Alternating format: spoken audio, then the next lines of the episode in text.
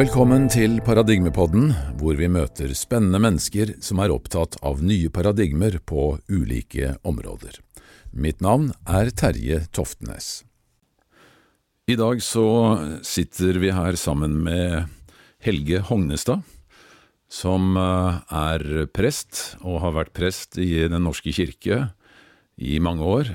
Eh, han er også kjent for å være en av de som eh, har stilt en del spørsmål nettopp ved både teologien og, og måten som Kirken eh, skal vi si, utøver sin virksomhet og misjon på. Um, Helge har skrevet mange bøker. I dag så er vi hjemme hos han på Hamar. Og eh, som pensjonert prest så har du fått enda bedre tid til å skrive. Og du har nettopp eh, kommet ut med en bok som heter Jesus døde ikke for våre synder han vekket oss. Og dette er jo en ganske provoserende påstand, Helge, for de som, som eh, skal vi si, er konservative kristne spesielt, men eh, det er jo en ganske heftig påstand. Hvorfor har du lansert en sånn Hvorfor har du kastet ut en sånn brannfakkel, for å si det på den måten? Det er jo en uh, kjensgjerning at uh, forestilling om at mennesket er en synder, og at Jesus er, kom for å sone for våre synder, det har vært en, et hoveddogme innenfor kirka helt siden oldkirken. Um, og dominerer veldig mye av det kirka står for, og ritualene i kirka og, og det som blir prekt fra prekestolen. Jeg er ganske overbevist om at dette ikke var det opprinnelige kristne budskapet. Altså, jeg tror det, en, det er en arv som vi har overtatt fra Ikke fra Det nye testamentet, som ellers er grunnlaget for den kristne tro, men fra den tolkningen som ble dominerende på 2-, 3- og 400-tallet, og senere i middelalderen, og ikke minst i, i reformasjonen så eh, er den der eh, forestillingen at Jesus kom for å sone for våre synder, det, eh, det er en, et dogme som jeg stiller spørsmålstegn ved. Og jeg, jeg tror ikke det er Det er ikke det opprinnelige kristne budskapet. Og jeg tror også at den, den forestillingen er med på å hindre en sann kristen tro. Men eh, altså, jeg må jo innrømme selv at jeg uh, har aldri egentlig skjønt logikken i, uh, i det at, at, Jesus kunne på en måte overta våre synder, sånn som jeg har forstått det.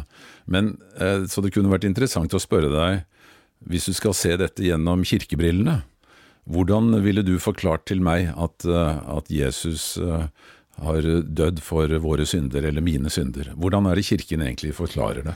Nei, Den forklarer det sånn som jeg snakket om, at uh, man forestiller seg, eller har utgangspunkt at mennesket er en synder. Altså Hvis man måler uh, menneskets atferd opp mot f.eks. nestekjærlighetsbudet, så er det klart vi, vi strekker jo ikke til. Så, så sånn sett er det riktig. Uh, og så har det vært Kirkens løsning på dette spørsmålet er eh, hvordan kommer vi så videre, hvordan blir vi frelst, altså hvordan kommer vi inn i, i Guds rike når vi dør og sånn. Og da er den teorien lansert, mm. at Jesus har betalt til Gud den skyld som mennesket har. Har, har det, ser man det på den måten at vi på en måte er fritatt for våre synder? Er det sånn kirken ser det? Ja, det er jo det så, som man tenker. Altså, den forestillingen at Gud er en dommer, så å si som eh, er sint på mennesket for grunn av at, at vi eh, ikke gjør det som er hans vilje. Og derfor så kommer vi i skyld overfor Gud. Og så er forestillingen at eh, Jesus har sonet for den skylden, istedenfor at vi skal gjøre det. Ja, Det var jo veldig sympatisk gjort. Ja, det kan du si. Men uh, det fører jo ikke til uh, den frigjøring som jeg tror Jesus kom for. Jeg har jo undertittel på boka mi om å frigjøre menneskets guddommelighet. Ja. Og, og, og, det Jeg tror det var derfor hvis vi er i stand til å forestille oss hvorfor Jesus kom, men det er resultatet av, av hans virksomhet. Det er en frigjøring av menneskets indre guddommelighet. Mm. Altså, vi er, vi er født med potensialer til å formidle guddommelige krefter, guddommelig kjærlighet, guddommelig eh, energi, guddommelig helbredelse, guddommelig visdom. Mm -hmm. Men i praksis så er vi ikke der. Vi, vi kommer til kort. Og, og jeg syns det er mye mer meningsfullt å tenke at vi er mennesker underveis. Altså Jeg har arbeidet mye med menneskets bevissthetsutvikling, og jeg tenker at eh, vi, vi står midt i evolusjonen, så å si. Vi er ikke ferdig utviklet, mm. men Jesus pekte på et potensial og en mulighet i oss. Og han, det tror jeg. Han kom for å frigjøre menneskets guddommelighet. Og så har dette blitt til det nesten det motsatte. At mennesket er fortapt synder og kan ikke gjøre noe godt. Og, og, og, sånn, og derfor måtte de lansere da teorien at Jesus døde for våre synder. Ja. Ja, det er en utrolig interessant eh, refleksjon. Men altså dette Hvis jeg nå skal følge altså tankene dine, da, så, så sier du vel egentlig at, eh, at, Jesus kanskje var en litt annen person enn det Kirken prøver å, å fremstille. Si litt om, om, hvordan du oppfatter hvem denne personen Jesus egentlig var. Ja, jeg tror han var eh, våken på alle indre områder. Eh, innenfor mange religiøse tradisjoner så er det jo en, en, en innsikt om at mennesket har indre potensialer som ennå ikke er utfoldet. Mm. Og eh, vi er ikke våkne, rett og slett, på, på, de dypeste områder i vårt indre. Vi er våkne på det dyriske området, på på følelsesområdet, og vi er våkne på jeg-bevissthetens område. Vi er rasjonelle, men vi har ikke ennå utfoldet vår evne til kjærlighet, f.eks. Nestekjærlighet. Dyp nestekjærlighet. Mm. Eh, noen mennesker utfolder evnen til å helbrede, altså formidle helbredende krefter, healing. Og noen har også innsikt om å se dypere, se dypere sammenhenger, se fremtiden og sånn. Men de aller fleste, vi er ikke våkne på det nivået. Mm. Men, men, men, Jesus pekte på dette som en, mulighet, og jeg, jeg, tenker at denne skikkelsen han er et mysterium for meg. Altså, hvordan, hvordan kunne et menneske oppstå som hadde denne, denne kvaliteten, bare denne våkenheten? Mm. Antagelig er det bare Buddha 400-500 år tidligere, før Jesus, som var våken på samme måten. Men de to eh, ser jeg på som de største mennesker på den måten at de, de har vært mer våkne enn en alle andre mennesker. Nå, jo, nå jo veldig, har det jo vært veldig mye forskning på si, hele altså Jesus' liv og, og også hans for, forhistorie. og Jeg har jo i hvert fall lest noen steder at uh, enkelt eh, hevder at han har uh, Altså Han var jo borte ganske lenge før han kom vidt, altså tilbake i, som 30-åring og begynte denne forkynnelsen da i, mm. i Israel. Ja. Men altså før det så er det jo mange som til og med hevder at han var i Tibet, og at veldig mye av hans innsikt og kunnskap stammer fra gamle, altså gammel visdom fra Østen, rett og slett. Kan det stemme, eller har du noe Det kan godt tenkes. Det er rimelig å tenke det. Det er som du sier, det er helt blankt fra hans fødsel eller tolvåring og til han står frem som 30-åring. Mm. Og det er mange som hevder akkurat det du sier, at han da på, den tiden dro østover og lærte fra østlige mestere. Mm. Det kan godt tenkes. Det er ikke så mange spor, historiske spor, så, og evangeliene er helt hause. Bortsett fra Eh, det er en forestilling i, i Matteusevangeliet om at han hadde en tilknytning til Egypt. Ja. Altså foreldrene da, da Jesus var, var, født, så flyktet jo Josef Maria med barnet til Egypt, står det. Ja. Av Herodes, kong Herodes som ville drepe alle guttebarn. Ja. Eh, det kan jo være en antydning av en kontakt med egyptiske mysteriereligioner, f.eks. Men ellers er det jo det med India og Tibet som er jo mest eh, aktuelle. Mm. Men altså hvis vi antar, da, som, som, du sier, eller som du hevder her, at uh, han egentlig uh, var et skal vi si, utgangspunkt til et normalt menneske, men som da hadde altså ervervet en innsikt ja. som, som, gikk mye, mye dypere og mye ja. lengre enn en altså, ja. menigmann da, på, på den tiden. Ja. Så han sto jo frem da som et slags uh, åndelig fyrtårn på mange måter. Ja. Men kan det også forklare alle disse, altså som vi leser om da i Nytestamentet, alle disse underne som, uh, ja. som, han har gjort? At han kunne gå på vannet og mette 5000 mennesker med tre fisker og sånn. Er det, er det ekte historier, eller er det noe som er liksom tilført for å bygge opp en slags uh, et høyere, en høyere karisma rundt han? Det, det vet vi jo ikke sikkert, da. Ehm, jeg tror han var i hvert fall en skikkelse som var i stand til å helbrede.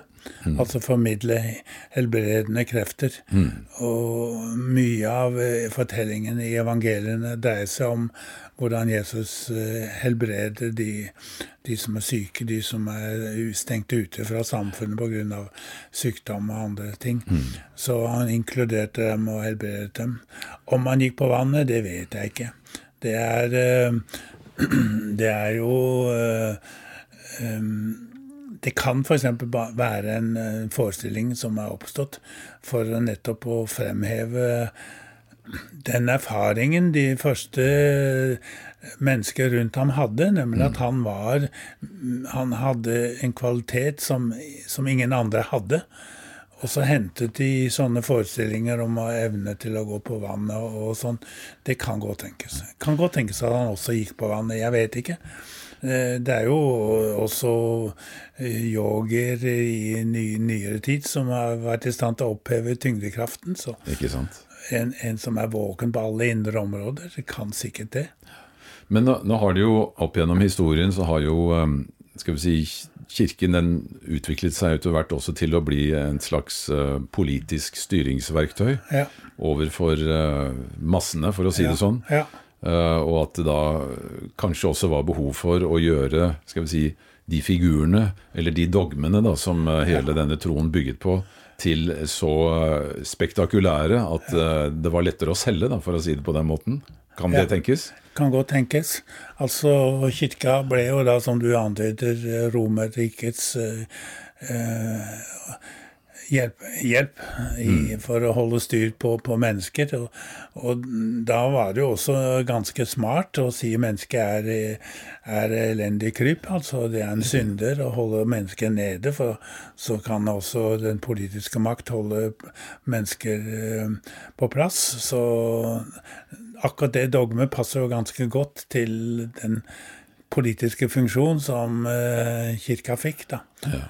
Ja. Men uh, nå lever vi jo i det 21. århundret. Ja.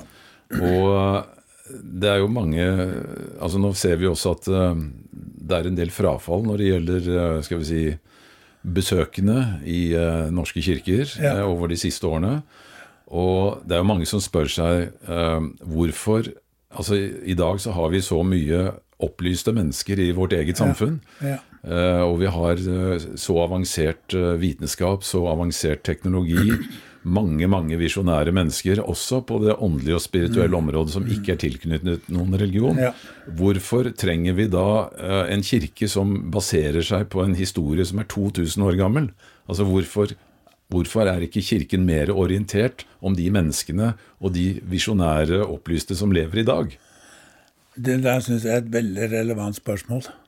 Og det, der, der, burde Kirka våkne og se hva, hva som fins rundt den. Og det at folk trekker seg ut av kirka og ikke vil være med der lenger, og sånn, det kan jo være et, et sunnhetstegn, tenker jeg. Tegn på at mange kjenner inni seg dette stemmer ikke. Og så har de kanskje ikke eh, mulighet eller redskap eller forståelse eller argumenter for å argumentere mot, og sånn, og så, så trekker de seg bare ut. Mm. Men jeg ser på det som et sunnhetstegn. En, en, slags oppvåkning i befolkningen. Det der som kirka holder på med, det trenger vi ikke. Mm. Vi trenger ikke lenger å høre at mennesket er en synder som eh, Jesus er kommet for å frelse det, det, det, rimer ikke med, med, det som vi ellers uh, kjenner til. Mm. Det er jo en som uh, har, har, skrevet en bok om bevissthet, og han slutter boken med å si at bevissthetens besinnelse er innsikten. Jeg er ikke sentrum i meg. Altså, mange mennesker besinner seg og, og legger sammen to og to og forstår at det er noe mer i vårt indre enn vårt ego, vårt jeg-bevissthet, vårt ja. elendige kryp og alt det der som kirka holder fast på. Mm. Og, og, og, jeg savner at kirka tar opp selve bevissthetsbegrepet. Mm. Og, og, og, ser seg selv og ser sin forkynnelse og ser Det nye testamentet inn i en bevissthetshistorisk sammenheng det, det venter jeg på skal skje. At en må våkne og, og, og se. Mm. For jeg tenker at uh, Jesus og de første kristne, de hadde kontakt med eh, en annen dimensjon enn det vi, vi forbinder med vår daglige bevissthet.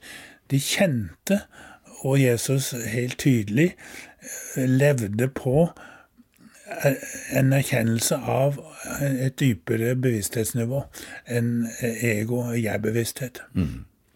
Paulus for eksempel, han er jo den første som skriver den kristne bevegelse av ting vi har uh, fått overlevert. Og han, det er hans uh, budskap, jeg er helt sikker på. Han, han har kjent dette dypere nivået i sitt indre. Han kaller det for Kristus. Og han, han, sier at uh, 'jeg lever ikke lenger selv', altså hans ego. Han bruker ordet ego i den setningen. 'Jeg lever ikke lenger selv', men Kristus lever i meg', sier han. Mm. Det er fantastisk. Altså, det, det, det vitner om at han har kjent et annet nivå inni seg enn det kortsiktige jeget, mm. egobevisstheten. Men dette er jo altså noe som, uh, som, som nevnt uh, er kjernebudskapet i, hos veldig mange av disse Jeg vil ikke kalle de profeter, men altså vi har folk som Greg Braden. Uh, vi har folk som uh, Nasim Haramein. Vi har folk som uh, Bruce Lipton. Vi har veldig mange sånne altså, Skal vi si folk som har utgangspunkt ikke i, i verken religiøse eller egentlig veldig spirituelle bakgrunner. Jeg kan også nevne Neil Dolan Walsh. ikke sant? Altså det, det, det, finnes jo hyllemeter av bøker med folk som nå egentlig snakker eh, frem akkurat det budskapet du har nå, og, og det budskapet som du nå tillegger Jesus. Slik at uh, denne følelsen av at vi er en del av en større enhet altså Nasim Haramein f.eks. kaller det for 'the unified theory', altså at alt henger sammen. At bevissthet er det som ligger til grunn for hele universets eh, skapelse.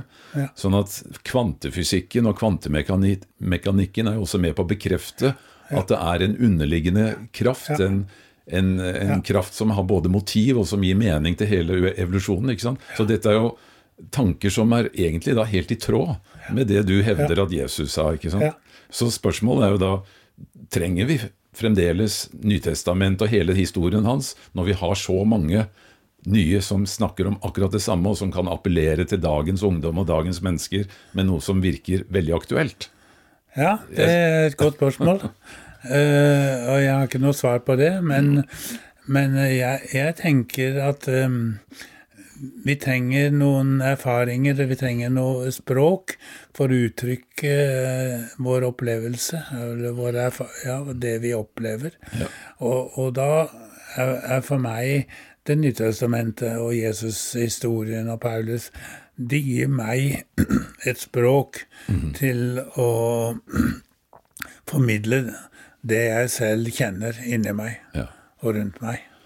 Så i den grad Og, og vi, er jo ikke, vi er jo ikke der enda at vi er opplyst alle sammen. Eh, altså, Vi er kanskje i ferd med å våkne noe, men det er langt frem til vi er en buddha eller oppvåknet sånn på det nivået der. Og på den veien, som vil ta kanskje mange generasjoner, flere hundre år, tror jeg, før, før, før, før menneskeheten er der. På veien så trenger vi noen hjelpemidler. Ja. Og nå, n- n- muligheten til å kunne møtes og samles og arbeide med disse tingene for å få en bedre kontakt med de indre muligheter. Og da ser jeg på historien om Jesus og Paulus og, og kirka som, som et sånt hjelpemiddel som jeg trenger, Ja. og som en del andre mennesker trenger. Ja, nei, det virker jo veldig eh, både fornuftig og, og logisk. Det er jo en fantastisk ressurs. Et kirkehus er en fantastisk ressurs. Det er kunst der, det er musikk, og det er eh, et sted å samles og, og sånn. Så, så eh, Ja, for jeg, skulle, jeg hadde egentlig tenkt å stille deg spørsmålet hvorfor trenger vi en kirke? ja, vi trenger ikke den kirka som vi har nå for å komme videre. Jeg mener at kirka holder oss fast, den, fordi den er så låst fast i hele dette dogmet om at mennesket er en synder, og, og Jesus er kommet for å frelse oss fra synden og alt det der. Så, så, så mener jeg at kirka holder mennesker og oss alle fast i, i en gammel bevissthet. Så det trenger vi den ikke til. Men vi trenger um, de redskapene som er der. Vi trenger disse gamle tekstene. De er fantastiske bilder, tenker jeg. Mm. Bare et sånt utsagn som at Kristus lever i meg, som Paulus sa. sa. Det kan vi fundere på i mange år.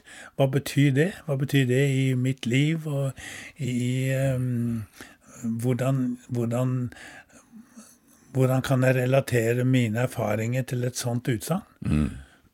Men du har jo også pekt på at, um, at det er rett og slett en del feiloversettelser nettopp av disse kjerneelementene Ja, ja. Ja. I, i testamentet. Si litt om det. Ja, altså En, en, bibeloversettelse er jo en, en tolkning. Det, det, det, Nytestamentet, da, som jeg har arbeidet mest med, det, det er jo skrevet på gresk. da. Og alle oversettelser blir en tolkning. Eh, Et utsagn av Jesus som jeg tror er veldig sentralt, da, det er dette hvor han snakker om Guds rike. Og eh, folk lurer på hvor er det Og så sier han at Guds rike er ikke sånn at man kan se det med øynene. Ingen vil kunne si 'se her er det', eller 'der er det'. For Guds rike er inni dere, sier han. Og I norske bibeloversettelser er det oversatt med 'iblant'. Iblant, ja. Ja. Og det er jo betyr... Og det står eh, i Nå har vi jo fått flere nye oversettelser, i både i 1970-årene og i 2011, og de holder fast på at det står iblant. Den preposisjonen som er brukt på gresk, da, En toss som tar genitiv, den Hovedbetydninga av den er inni. Det er, dessverre er det en preposisjon som Det Nytestamentet ellers ikke bruker, bare et annet sted. Men der har de oversatt det med 'inni'. Okay. Så hvorfor dette står i Lukas, 17, eh, Lukas kapittel 17 vers 21, hvorfor de skal holde fast på at, at Jesus skal ha sagt 'Guds rike er iblant dere', det, det er, henger sammen med kirkas begrensning. Ja, For det er jo en enorm forskjell. altså Det Ja, er å være det? i, Ja. inni eller iblant. Det betyr Ja. jo altså enten så er det inni deg, eller så er Ja. det utenfor deg. Ja, men det eh, selv om det er i nærheten. Ja, det er så det er det. to ekstremt eh, stor forskjell på det. Ja. og det er den erfaringen mange har. da. De kjenner noe guddommelig inni seg, og da blir et utsagn som 'Guds rike er inni dere' for, for mening. Og så har vi Paulus, da, som uh, snakker om at Gud åpenbarte sin sønn. Ja. I den norske bibeloversettelsen eh, står det 'for meg', som en sånn ytre hendelse. Mens i den greske teksten så står det helt tydelig 'i meg'. Han bruker, eh, han bruker preposisjonen 'en', og det betyr 'i'. Og betyr ikke 'for'. Jeg er helt overbevist om. Altså, jeg er ikke ekspert i gresk, men jeg er, jeg er helt sikker på at hvis Paulus hadde ment at Gud åpenbarte sin sønn for meg som en sånn ytre hendelse, så hadde han ikke brukt preposisjonen 'enn'. men da har han skrevet bare dativ. Altså sånn som tysk lærte vi at uh,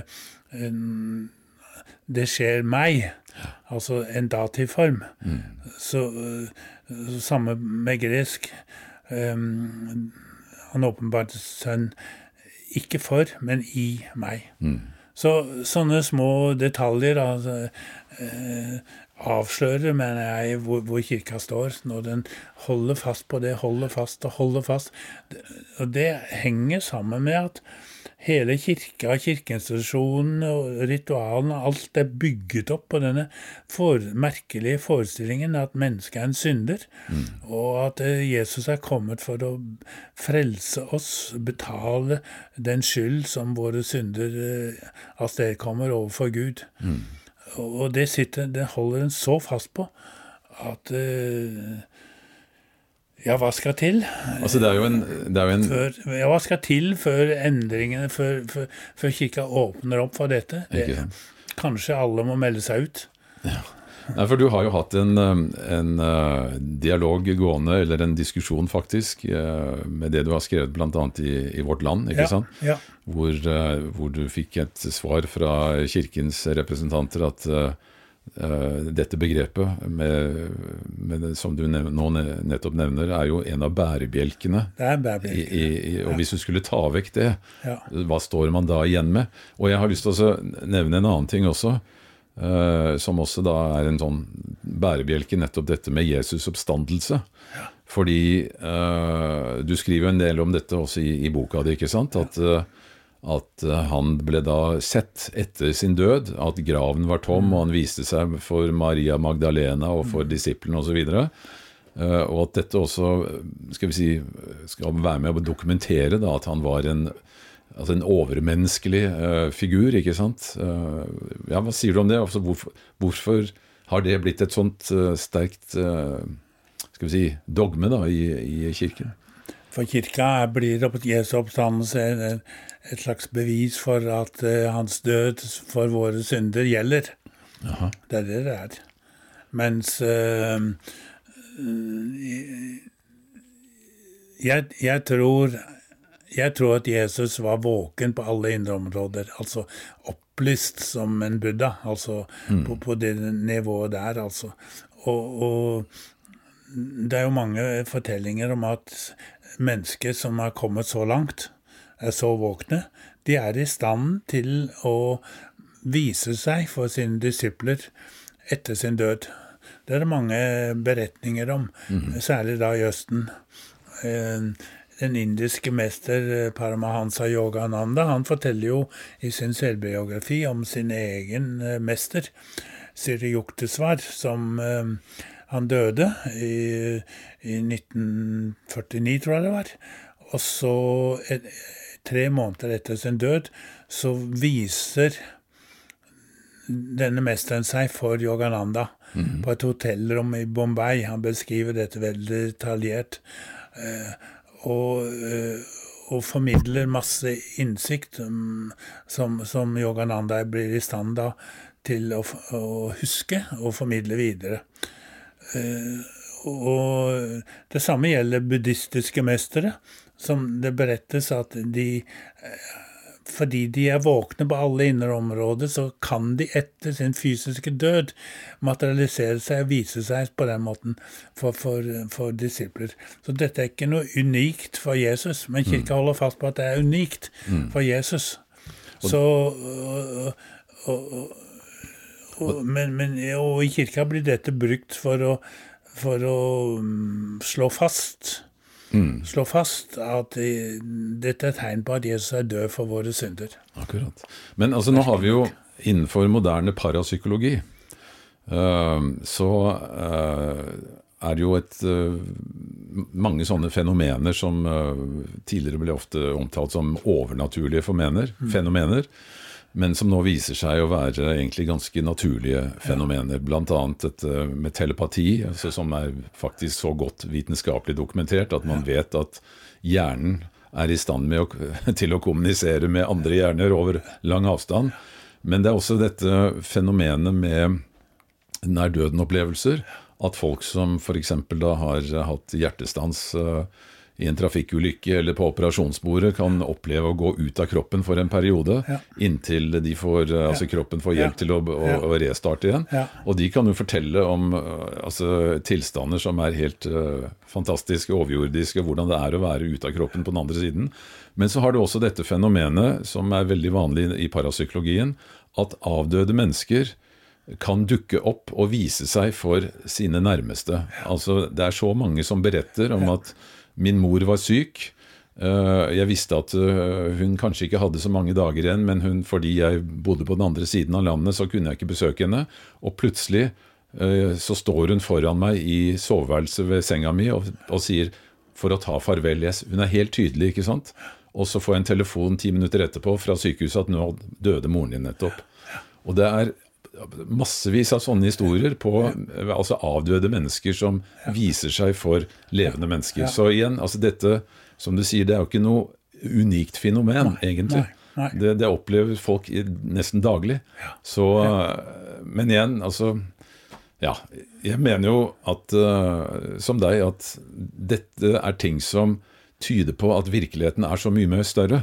Uh, det må jo, altså Hva mener du om det? Er har vi sett skal vi si, har vi sett hva vi egentlig er en del av, eller er det utrolig mye mer å, å forstå og utforske? Jeg tror jo det. Det er ja. veldig mye mer. I, ehm, det er interessant akkurat det du sier. Eh, og jeg, det har jo noe med hvor er, hva er bevissthet. Er det bare en datamaskin i hjernen, eller er det vår aura mm. rundt oss og sånt? Så alle disse tingene du nevner, tyder jo på at uh, vår bevissthet er ikke knyttet til hjernen. Uh, den kan, um, den kan trekkes ut av kroppen og se ned, sånn som de med nær-døden-opplevelser har. og sånn. Hva legger du i begrepet sjel, f.eks.? Ja, det er den mystiske delen av oss, tenker jeg. Altså uh, Det er den delen av oss, av meg, som rekker ut over den fysiske kroppen. Hvor, hvor jeg er i kontakt med et åndelig felt. Mm -hmm. Eller et bevissthetsfelt, eller hva vi velger å kalle det som er grunnsubstansen i hele kosmos. Ja. Hvordan vil du definere Gud? Ja, det Jeg kan ikke definere Gud. Men jeg har noen erfaringer. Eh, jeg har den erfaringen at, eh, at, jeg, at, det er en energi, en kraft, en inspirasjon som eh, når meg. Og jeg opplever jo veldig mye når jeg sitter og skriver, så, så bare plutselig så kommer det en sånn inspirasjon. Sånn skal du skrive, ikke sant? Så, og så gjør jeg det, og så undrer jeg meg etterpå hvor i all verden kom det fra. Ja. Altså, Gud for meg er den dens kjærlighetskraft som har, står bak hele skaperverket. Mm. Altså, det ytre kosmos er, er, jo så ubegripelig stort. Vi kan, vi kan ikke forstå det. Altså, det er jo helt, helt uforståelig. Men, men, og det er også uforståelig at det er hva, at, at det er noe um, En visdom, en kjærlighet der. Men jeg tror det. Jeg tror det er um, jeg tror vi må lære å forholde oss til den uh, kjærligheten, den, den visdommen, mm. den kraften. Vi har lært å forholde oss til tyngdekraften. Det tok mange hundre år fra, fra mennesket oppsto på kloden, til uh, man var i stand til å å formulere hva tyngdekraften er. Mm, mm. Men i dag, på 1500-tallet med Newton og sånn, så ble det formulert. Ja. Og da ble det også lettere å forholde seg til tyngdekraften og ta hensyn til det i alt det vi mennesker foretar seg her på kloden. Men vi har enda ikke lært å forholde oss til gudskraften, Nei. tenker jeg. Så det er vår utfordring. å lære å, leve i Å tenke og vite at gudskraften er det bærende eh, prinsipp i, i hele tilværelsen. Mm. Og det er jo uh, innenfor den aller nyeste uh, typen kvantefysikk eller kvantemekanikk, da, så mener man jo at uh, dette altså begrepet bevissthet eller livskraft eller kosmisk intelligens, eller hva du skal kalle det, er, er det bærende elementet. Det er det som er ja, som du sier, grunnsubstansen da, i hele skapelsen. Men, men det, som, det, som, selvfølgelig mange mennesker spør, spør seg, er uh, Altså, hvorfor er det så, så mye ons, altså vondt? Altså, mm. Hvis du ser på naturen, hvordan den er konstruert, uh, så er det jo Altså, det er jo et perpetuum mobile ved at uh, alle, alle, de som lever i naturen, de lever også av naturen. Altså man rett og slett spiser hverandre. Og det var jo en som sa en gang, det er litt sånn eh, humoristisk, at da Gud hadde skapt uh, verden den syvende dagen, eller den sjette dagen, eller hva det var, så, så gjensto det bare ett spørsmål. Hvordan skulle vi brødfø alle disse forskjellige artene og individene? Så, var, så sier da han at det kom en sort liten engel og hvisket Gud i øret. La dem spise hverandre. Ja. Og det er, jo, uh, det er jo sånn det fungerer i naturen, at uh, dyr spiser hverandre. altså Det er jo en næringskjede, ikke sant. Og Er det også en av årsakene til at mennesket er så brutalt? At vi liksom håper å si, i, i litt overført betydning, da, spiser hverandre? Ja, Det er jo destruktive krefter i tilværelsen. Nå er det høst. Ja. Vi ser naturen brytes ned, så det er destruktive Altså det må brytes ned for at noe nytt skal komme opp. Men det ser ut som at vi mennesker da, på en eller annen måte er i stand til å mangfoldiggjøre de destruktive kreftene mye, ut, mye mer enn de burde eller kunne være. Mm. Men dette har jo da Kirken forklart med at det finnes en god kraft og en ond kraft. ikke sant? Gjerne da altså, billedliggjort da med en djevel. Ja, og at du, ja, ja. Så, og det er jo en sånn veldig forenkling, selvfølgelig. Ja, men jeg tenker at djevelskapen er i oss mennesker. Det er vi som, som er skapt sånn at vi er i stand til å generere ondskap. Men Ja, det kan jo virke sånn nesten. Men, men altså, hvis man tenker at uh, at vi på et sjelelig nivå da, eh, er her for å lære, så er det jo da mange av disse nye jeg, opplyste som sier at altså, det er nødt til å være polariteter til alt. At du kan ikke være, altså For å vite hva som er godt, så må det da finnes et motstykke.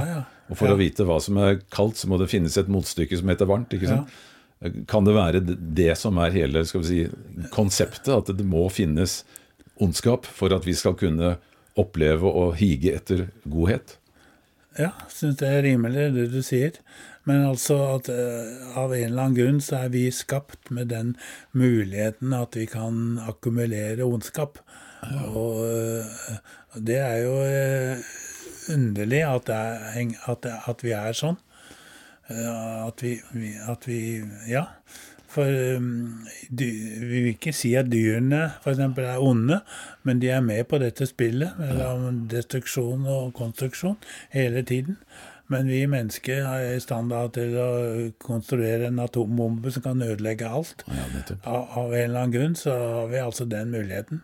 Men det er betingelsene vi er satt her på jorda med, og det må vi ta ansvar for. Ja. Men allikevel så, så mener vi at kjærlighet er noe grunnleggende da i hele skaperverket. Ja, ja, det tror jeg. Kjærligheten er den sterkeste kraften, tror jeg. Ja. ja. Nå var jeg til stede ved Rosemarie Køhns spisettelse i går, og da ble det sitert at hun hadde sagt, og det syns jeg er så flott, det snakke var snakk om døden, da. Mm. Og så sa hun at i døden blir jeg Dø, og det å dø er å overgi seg til kjærligheten som er sterkere enn døden, sa hun. Det syns jeg er vakkert sagt. Det er fine ord. Ja. Uh, da tar vi Altså helt til slutt, Helge, så kunne det vært uh, selvfølgelig interessant å spørre deg hvordan synes du fremtidens kirke skulle se ut? Ja Det må være et sted hvor vi kan møtes og dele sorger og gleder. Hvor, hvor man møtes i åpenhet og deler erfaring. Både vonde og gode erfaringer. Jeg er glad i å synge salmer, så jeg håper Fremtidens kirke også vil ha med musikalske innslag. Både soloinnslag, men også muligheten for å delta i, i sang. Og Altså Du sier at det kan være et kulturelt samlingssted ja, også? et kulturelt samlingssted, men, men en kultur som har en innsikt om at vi mennesker er en del av noe større. Og, men jeg mener da Vi kan ikke begynne en sånn samling med å si 'Se nåde til meg, syndige menneske'. Det blir helt meningsløst. Men se, her er jeg, som har alle de mulighetene i meg. Det må være med noe sånt. Mm. Og vi kan gjerne ha nattverd i denne fremtiden kirke, men vi kan ikke si da at Jesus har sonet for alle våre synder, sånn som det nå blir sagt. Men det må være at Jesus har vist oss en vei å gå. Mm, mm. Han ble jo også kalt Veien, så, så, så det syns jeg gir veldig mening. Mm. Og sånne bilder på veien, det, det trenger vi. Så et sted hvor um, hvor vi kan møtes og dele både sorger og gleder. Men også det at uh, vi tar med oss denne historien da, fra, Ja, to, fra 2000 år siden. Ja, fordi, altså- fordi det er så mange gode symboler i den. Så du tenker Akkurat det. at det er, det lett, lett å bruke det som en basis for Ja. å kunne eh, snakke eh, om disse åndelige og, og også filosofiske tingene. Ja.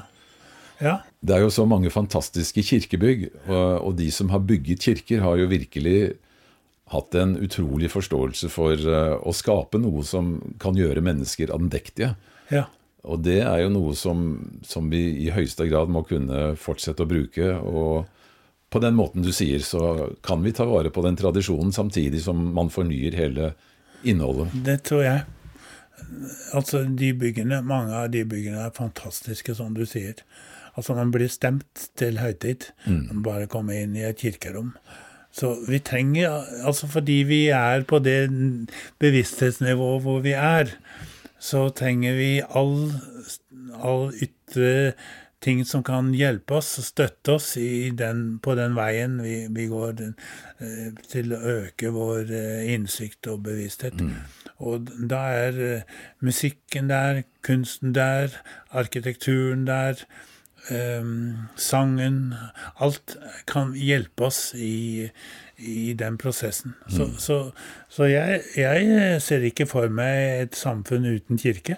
Jeg ser for meg et samfunn med en mm, åpen kirke som eh, støtter oss i den livsprosessen hvor vi er. Men Du- da må den slutte å tro at den eier sannheten.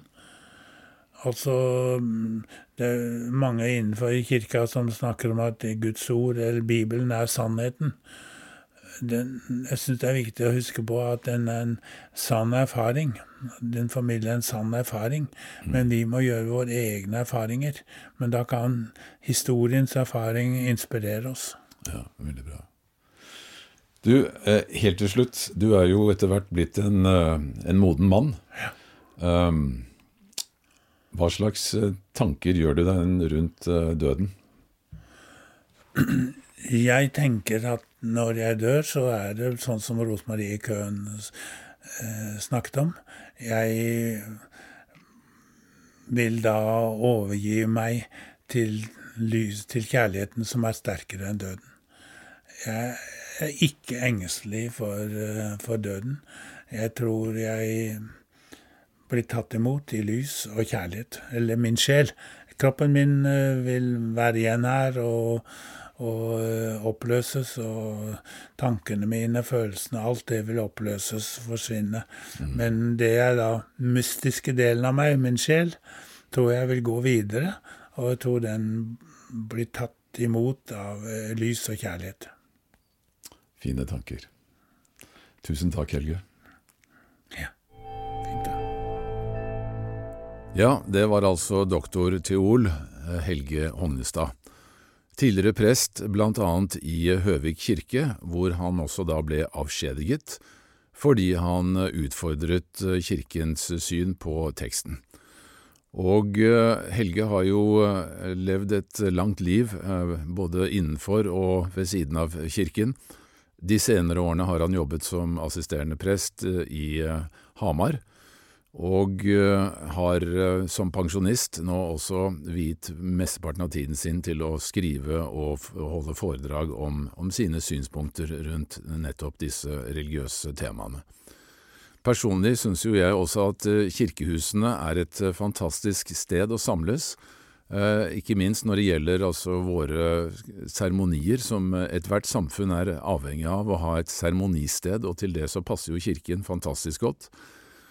Men det er noe med selve budskapet som eh, kanskje er eh, litt gått ut på dato, som mange mener, at det er på tide å justere dette slik at det harmonerer mer med den virkeligheten vi faktisk opplever i det 21. århundret.